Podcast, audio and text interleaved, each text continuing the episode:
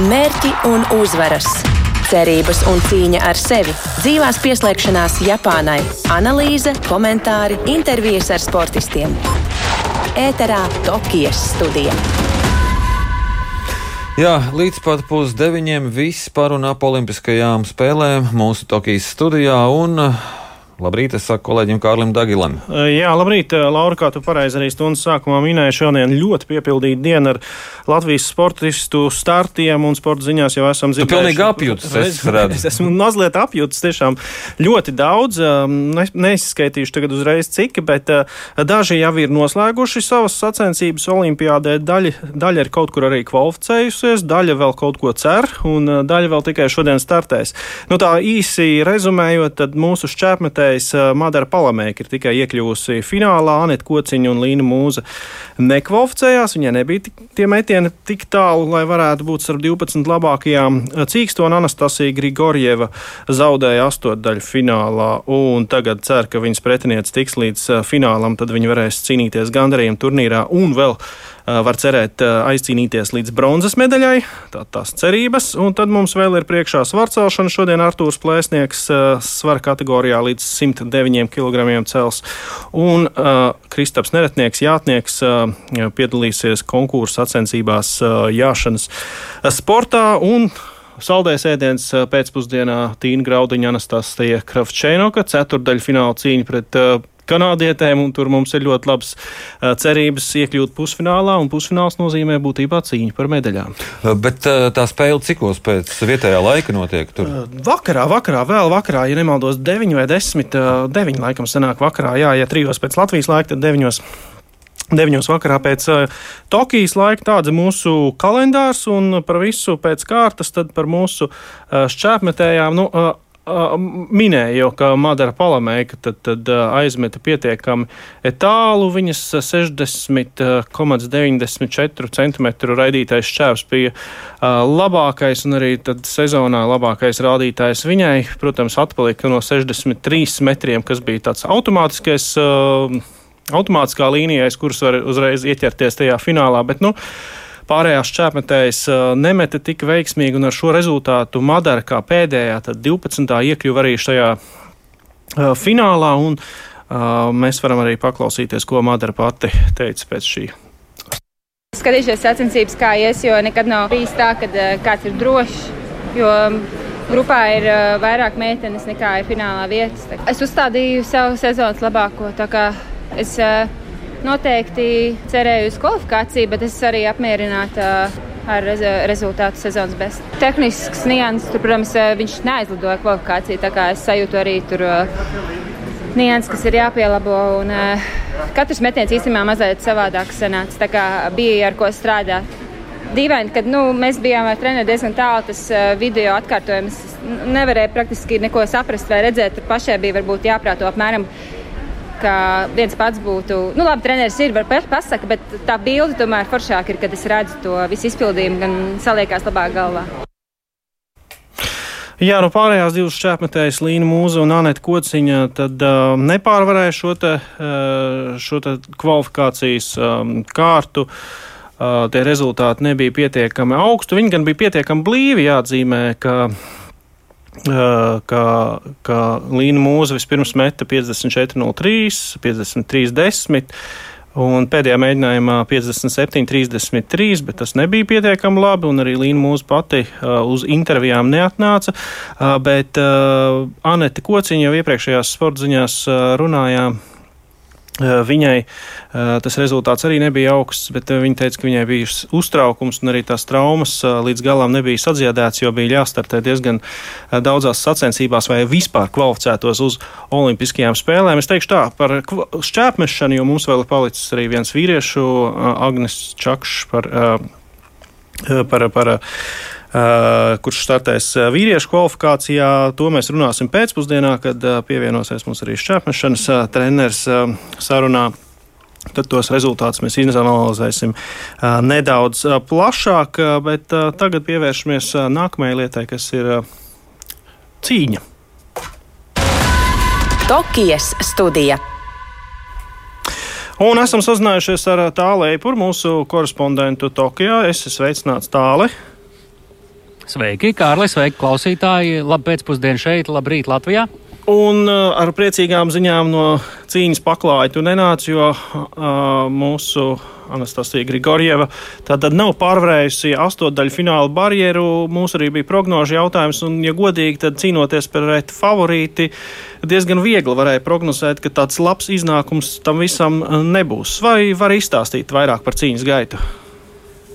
Nu, e, te jāpiebilst vēl, ka varbūt tās izjūtas un priecīgākās sajūtas nav pēc šīs cīņas, bet te pašā laikā ir labas cerības. Tāpēc, ka nu, e, šeit pavisam e, noteikti, ja mūsējā pirmajā kārtā būtu zaudējusi kādai vājākai sportistei, tad tās cerības būtu mazākas, bet, lai klausītāji saprastu, te runa ir par to, ka, ja pirmajā cīņā iznāk zaudēt, bet šīs cīņas uzvarētāja aizcīnas līdz finālam, tad šajā gadījumā Anastasijai Grigorjevai ir iespēja cīnīties vēl par bronzu. Ne uzreiz gan, bet tad ir jāuzvar tās divas pretinieces, kuras ir zaudējušas tai pašai šīs dienas uzvarētājai. Nu, tā ir tāda interesanta schēma, bet tas dod cerības, jo Cīkstone, pret kuru Anastasija šodien cīnījās, ir pasaules rangā pirmajā vietā. Un, ja viņi būs finālā, tas nebūs pārsteigums, un uz to ir ļoti liels pamats arī cerēt. Līdz ar to uh, šobrīd ir jāgaida uz rītdienas, uh, uh, rītdiena, tā teikt, kā būs šodien un rīt cīnījusies pretiniece līdz šajā iepriekšējā tagad. Nu, un rīt iespējams vēl kāda cīņa Anastasijai būs, varbūt nē. Jā, paldies Tāli par šo ziņojumu. Nu, Anastasija pat arī nemaz nav uh, bez tituliem uh, bijusi Eiropas čempione un uh, arī diezgan uh, labi panākumi citās sacensībās un ir bijusi arī gada sportista trēnis, ir sagatavojis nelielu vizītkarti par viņu. Sportista vizītkarte. Pieredzējusī cīkstone Anastasija Grigorjeva no Daugopils startēs jau savās trešajās olimpiskajās spēlēs. Iepriekšējās divās reizēs Nastja ir bijusi starp pretendentiem uz medaļu, tomēr četrgadus svarīgākajos startos kārtas nav sakartušas, kā Daugopiliet vēlētos. Vēl viena iespēja to labot būs šoreiz Tokijā, kur viņa sava trenera, bijušā olimpieša Armanda Zvirbuļa pavadībā, cīkstēsies sev ierastajā 62 kg svara kategorijā. Grigorjeva ir četrkārtēji Eiropas čempioni, kā arī izcīnījusi medaļas pasaules meistars sacīkstēs. Ikdienā Grigorjevai prieku sagādā ēst gatavošana. Pirms nonākšanas brīvajā cīņā viņa nodarbojās ar citu cīņas sporta veidu - judo. Pāriešana uz brīvo cīņu, kā norāda pati Grigorjeva, bijusi laimīga nejaušība.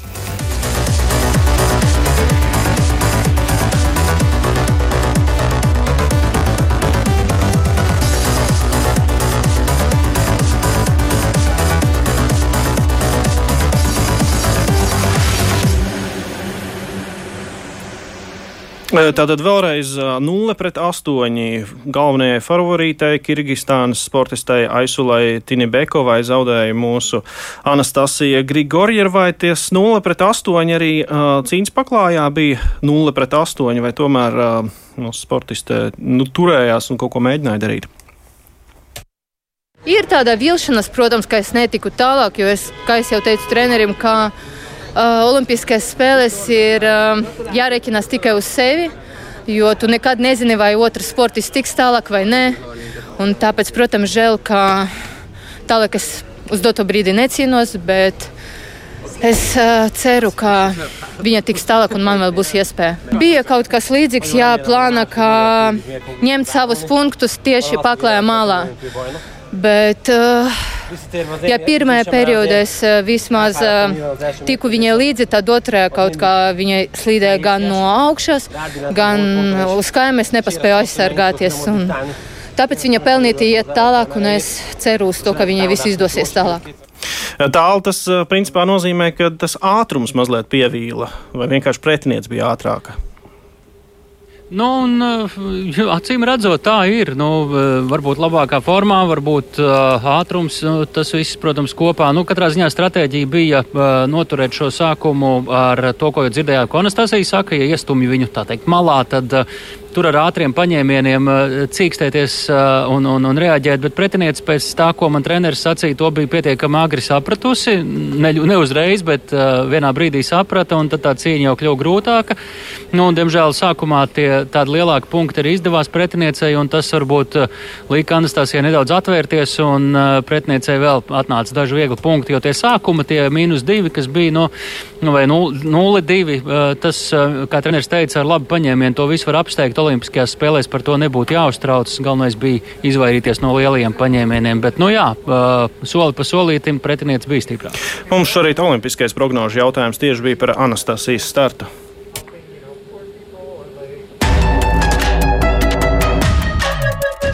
Prognožu jautājums.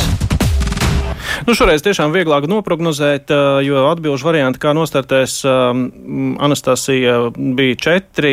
Neiekļūst ceturdaļfinālā, apstāsies ceturdaļfinālā, sasniegs pusfinālu vai izcīnīs zeltu. Nu, tad, tad, uh, Neiekļūt ceturdaļfinālā ir pareizā atbilde, un arī lielais vairums no jums tad, uh, par šo arī bija devuši savas balsis. Bet viss nav zaudēts, tad, tad par medaļām viņi vēl var cīnīties. Tālāk sekosim līdzi.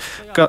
Modelī, šajā modelī šis jautājums patiesībā tāds, uh, tad, tad, tad nav īsti tāds ceturdaļfināla šajos cīņas sportos. Judo, piemēram, līdzīgs princips. Tā kā uh, neiekļūt ceturdaļfinālā un var tikt pie medaļas. Jā, tā, mums vajadzēja varbūt nevis izcīnīt zeltu, bet uzreiz rakstīt izcīnīs medaļu. Jā, jo zeltu viņi tiešām neizcīnīs, tas ir skaidrs, Arī, bet, arī, bet bronzu vēl var izcīnīt. Bet, nu, Šobrīd to skatīsimies, jā, to skatīsimies.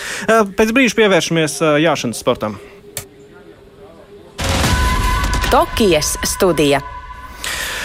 Jā, tad šodien uz starta dosies arī jāšanas sporta pārstāvis Kristaps Neretnieks. Konkurss, jeb šķēršļu pārvarēšana ir programmā, un mums ir vizītkarte par Kristapu Neretnieku. Sportista vizītkarte. Konkūrists Kristaps Neretnieks, kvalificējoties Tokijai, kļuva par pirmo jāšanas sporta pārstāvi Olimpiskajās spēlēs neatkarīgās Latvijas vēsturē. Lai gan dzimis Rīgā, tomēr liela bērnības daļu Neretnieks ir pavadījis Limbažos.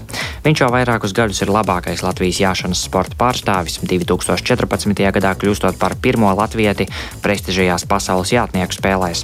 Bet pirmais no mērķiem Olimpiskajās konkursu sacensībās viņam ir kvalificēties finālam. Bērnība laukos arī pavēra viņam vēlmi un iespējas jau desmit gadu vecumā pievērsties jāšanai. Neretnieka pirmais treneris bija Dainis Ozols, bet šobrīd ar viņu strādā Edgars Miskārovs. Tokijai Kristaps kvalificējās ar Vestfālenes šķirnes zirgu Mūnrei. Tomēr vecuma un veselības dēļ šis zirgs nevarēs startēt Tokijā. Tur Kristapam būs cits kompanions, vēl viens Vestfālenietis vārdā Valūra.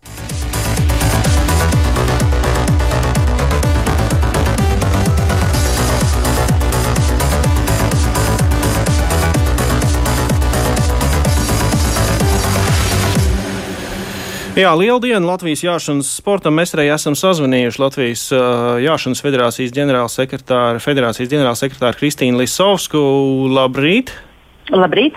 Uh, liela diena Latvijas jāšanas sporta veidam. Jums tie arī droši vien ir svētki. Protams, mums visiem tie svētki, mēs esam gandarīti par to un priecīgi turam īkšķus cerībā, kas notiks šodien, mazliet, mazliet vēlāk pēc mums laika. Cik gatavi mēs esam šodien un kam mēs esam gatavi šodien? Nu, mums jau varbūt šeit ir vieglāk runāt, cik grūti ir Kristapam tur un cik deksmē viņš deg šodien uzstāties tur tajā milzīgajā arēnā. Un mēs esam morāli viņu spējīgi uzturēt, bet eh, katrā ziņā visa veiksme un visi, visi, visi labākā vēlējumi ir no mums sūtīti viņam. Tāls, jā, tāls e-pars mums ir uz vietas, un arī vakar, ja nemaldos, runājās gan ar pašu Kristapu, gan ar treneriem, gan ar ārstu. Kāda tur izskatās uz vietas tā situācija? Vai visi ir gatavi, zirgs ir gatavs, jātnieks ir gatavs, šķēršļi ir salikti? Jā, bez šaubām. No sākuma Zirgs ir labās rokās, drošās rokās, kur arī viņš sagaidīja vetārs. Pirms, pirms zirgs atlidoja, jā, vetārs jau bija priekšā kopā ar komandas arī palīgu, jo Nauris tikai no Latvijas izlidoja mazliet vēlāk, kā mēs visi zinām, un viss ir aprūpēts, viss ir kārtībā, veselība ir laba un garstāvoklis labs visiem. Jā, nu, tas ir skats no Rīgas, bet uh, kāds ir skats no, no Tokijas? Mums ir uh, tāls e-purs korespondents joprojām. Uh, Tokijā tāli vai viss tas atbilst patiesībai, ko Kristīna stāsta, vai tiešām viss ir vislabākajā kārtībā? Protams, ka atbilst patiesībai, bet nekad jau arī eh, Kristīna piekritīs nevar no ārpuses pateikt, kā kurš jūtas iekšēji. Par zirgu es pieļauju, ka var labāk sajust jo zirgi jau nemānās īpaši, bet par zirgu tiešām neviens šobrīd nesūdzas. Viņam ir labi apstākļi, kas notiek ar Kristapu. To, protams, ka viņš pats labāk varēs pateikt, un to parādīs starts faktiski. Un jāsaka, ka uh, ir šie, nu, te, vai, vai laukums ir gatavs, viss šī, šī vieta, kur notiek sacensības, tas to, to tā nevar viennozīmīgi teikt, jo to ierauga tikai faktiski sacensībās zirgs pirmo reizi. Un, nu, šeit zirgs ir jāuzsver, jo īpaši, jo cilvēks jau tiks ar to visu galā kaut kādā veidā. Nu, būs ļoti interesanti katrā ziņā. Un patiesībā te būtu jāprasa mūsu ekspertē, nu, ko viņi saka, tas 30 ir reāls vai nav. Saprotiet, ir tā, ka viņš šo, šo distanci ir veicis trīs reizes, ir izpildījis šo kvalifikāciju. Te ir jāliek pa nulēm un pirmie 30. Jā. Nu, Protams, Kristaps ir meistars jātnieks, un mēs cerēsim uz to, to ka viņam arī izdosies šis. Mums, mums ir iespēja paklausīties arī pašu Kristapu, ko tāls ierakstīja. Nu, es teiksim, pats neesmu startējis Olimpijādā līdz šim. Uh, agrāk Olimpijādē ņēma mazāk komandas un drīkstēja startēt komandā visi četri jātnieki. Tagad ir tikai trīs jātnieki no komandas drīkst startēt. Tas nozīmē, un vairāk komandas ir. Kopējais tas līmenis drusciņš samazinās, jo stiprās izlases ir tik, cik bija. Vienkārši viņām visām pa vienu jātiek mazāk. Tieši ķēršļa un maršruts jāpārvar, tas paliek tas pats. Maksimāli grūtākais un sarežģītākais. Un, uh, redzēs, kāds tas maršruts ir. Bet, uh, nu, es, gaidu, es gaidu ļoti iespaidīgi to, to startu. Nu, mēs esam šeit tikai kā individuālie ja, sportisti. Ja? Mums nav komanda. Tiem, kam ir komanda, viņi lec individuālo, visi kvalifikāciju Eh, tie, kas kvalificējās, tie lec individuālo finālu, tad ir diena pauze. Un tad viņi lec eh, komandu sacensības. Mums tas atkrīt, mums nav tāda, mums nav komanda. Tā kā mums ir teikt, mazāka slodze un, un, un tieši vairāk koncentrējās to individuālo kvalifikāciju. Un tur no 75 jātniekiem uz finālu tiek 30. Tā kā tas ir tas, kur mēs ļoti, ļoti vēlamies tikt iesākumā.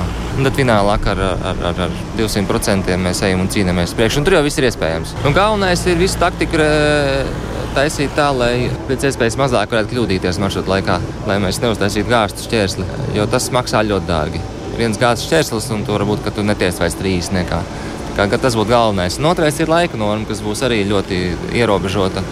Un būs viegli dabūt laika sodu punktus, bet nu, tur ir mazāk sodu punktu. Tur pa četrām sekundēm vai trīs nāk viens sodu punkts klāt. Man arī ir tāda zirga īpatnība, ka man ir liels zirgs, kuram ir lēns lēksis. Mums jau teorētiski ir laika problēmas, lai noslēgtu distanci. Ja mēs veiksim distanci tā, kā viņa ir uzzīmēta, tad visticamāk, ka mēs laikā neiekļausimies. Lai es iekļautos laikā ar savu zirgu, man vienmēr ir jānogriež vairāki līkumi. Nu, lūk, tā ļoti svīka un smalka arī pats Kristaps Neretnieks um, izstāstīja. Tad turēsim īkšķus kvalifikācijā šodien pulksteni. Tā, cik, cikos sanāk tas laikam pēc uh, divos, jā, pēc Latvijas laika, bet noslēdzot, Kristīna, mūsu sarunu, uh, kur tā Latvijas jāšana atrodas šobrīd? Kādas ir tās kopējās tendences? Mēs esam tuvu tālu no lielvaistīm. Kristaps ir tāds uh, viens vienīgs spīdeklis, līdzīgi kā Ernests Gulbs tenisā, vai, vai mums šeit ir progress un varam nu, skatīties jau ar perspektīvām nākotnē? Nu, ar perspektīvām nākotnē mēs varam skatīties ar to, ka mums ir jaunās jātniecības meitenes diezgan, diezgan paaugstu startējošas. Nu, pat tās arī Laura Penēla startē Polijā, ja, bet, uh, un novinēja Grand Prix maršrutu. Bet, uh, protams, Kristaps mums ir tā zvaigzne. Un, Nu, Lielvalsts mērogā mēs esam maza valsts, un tāpēc mēs jau vairāk varam spīdēt tādēļ, ka mums ir pats Kristaps. Jā. Nu, skatīsimies. Kristīna Līsovska, Latvijas Jāšanas federācijas ģenerāla sekretāra, mums telefoniski šorīt pievienojās Tokijas studijā. Es saku paldies. Un paldies, jā. šis tiešām vēl nav pēdējais starts mūsu sportistiem. Vēl divi starti ir paredzēti un par tiem tūdaļ plašāk. Tokijas studija. Nu, pirmkārt, tāls eipurs jau acīm redzot dodas uz uh, svarcelšanas arēnu, kur šodien uh, otrais no mūsu dalībniekiem, Artūrs Plēsnieks, svara kategorijā līdz 109 kg. Uh, A grupā viņš uzreiz startē. Uh, un uh, par, arī par Artūru Plēsnieku mums ir sagatavota neliela vizītkarte. Sportista vizītkarte. Svarcēlājs Artūrs Plēsnieks 29 gadu vecumā ir viens no pieredzējušākajiem Latvijas delegācijas sportistiem, jo startēs savās trešajās olimpiskajās spēlēs. Tāpat viņš ir piedalījies septiņos pasaules čempionātos un vairāk nekā desmit Eiropas čempionātos, kuros ir izcīnījis arī vairākas medaļas. Artūrs ir dzimis Dobelē, bet lielu daļu jaunības pavadījis Ventspilī, kur arī šobrīd trenējas Eduarda Andruškeviča vadībā. Uz svarcelšanas treniņiem Artūru 9 gadu vecumā aizveda tētis, kurš gribēja, lai dēls būtu spēcīgāks pēc tam, kad skolā bija iekļuvis kautiņā. Pēc dažiem gadiem plēsnieks pat gribēja pamest svarcelšanu, bet treneris viņā saskatīja potenciālu un pierunāja palikt. Deviņus gadus atpakaļ Londonā plēsnieks pēc divu sportistu diskvalifikācijas par dopingu ierindojās piektajā vietā.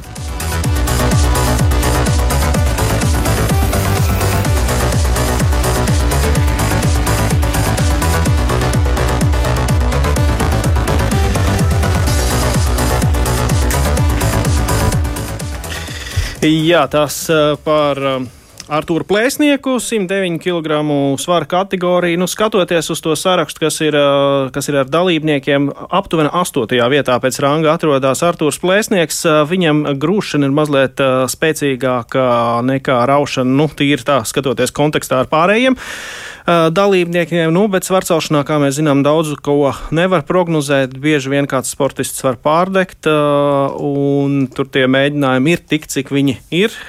Raušanā trīs un grūšanā trīs. Un, Ļoti arī interesants taktisks cīņas, kā mēs to redzējām arī ar Itvaru Suharevu, uh, izcīnīja sesto vietu. Varbūt, ka vēl viens olimpiskais sešnieks mums šodien kaut kur ir priekšā, bet ja par augstiem rezultātiem un augstām vietām, tad nevaram nepieminēt arī, ka pulksten trijos Tīna Graudiņa Anastasija Kravčēno, ka aizvadīs ceturdaļu fināls spēli pludmales, volejbolā pret Hetere Bensliju un Brendiju Vilkersonu kanādietēm, un šī pāra uzvarētājs tad iesoļo pusfinālā un būtībā cīnīsies par uh, medaļām. Jā, kas to būtu domājis?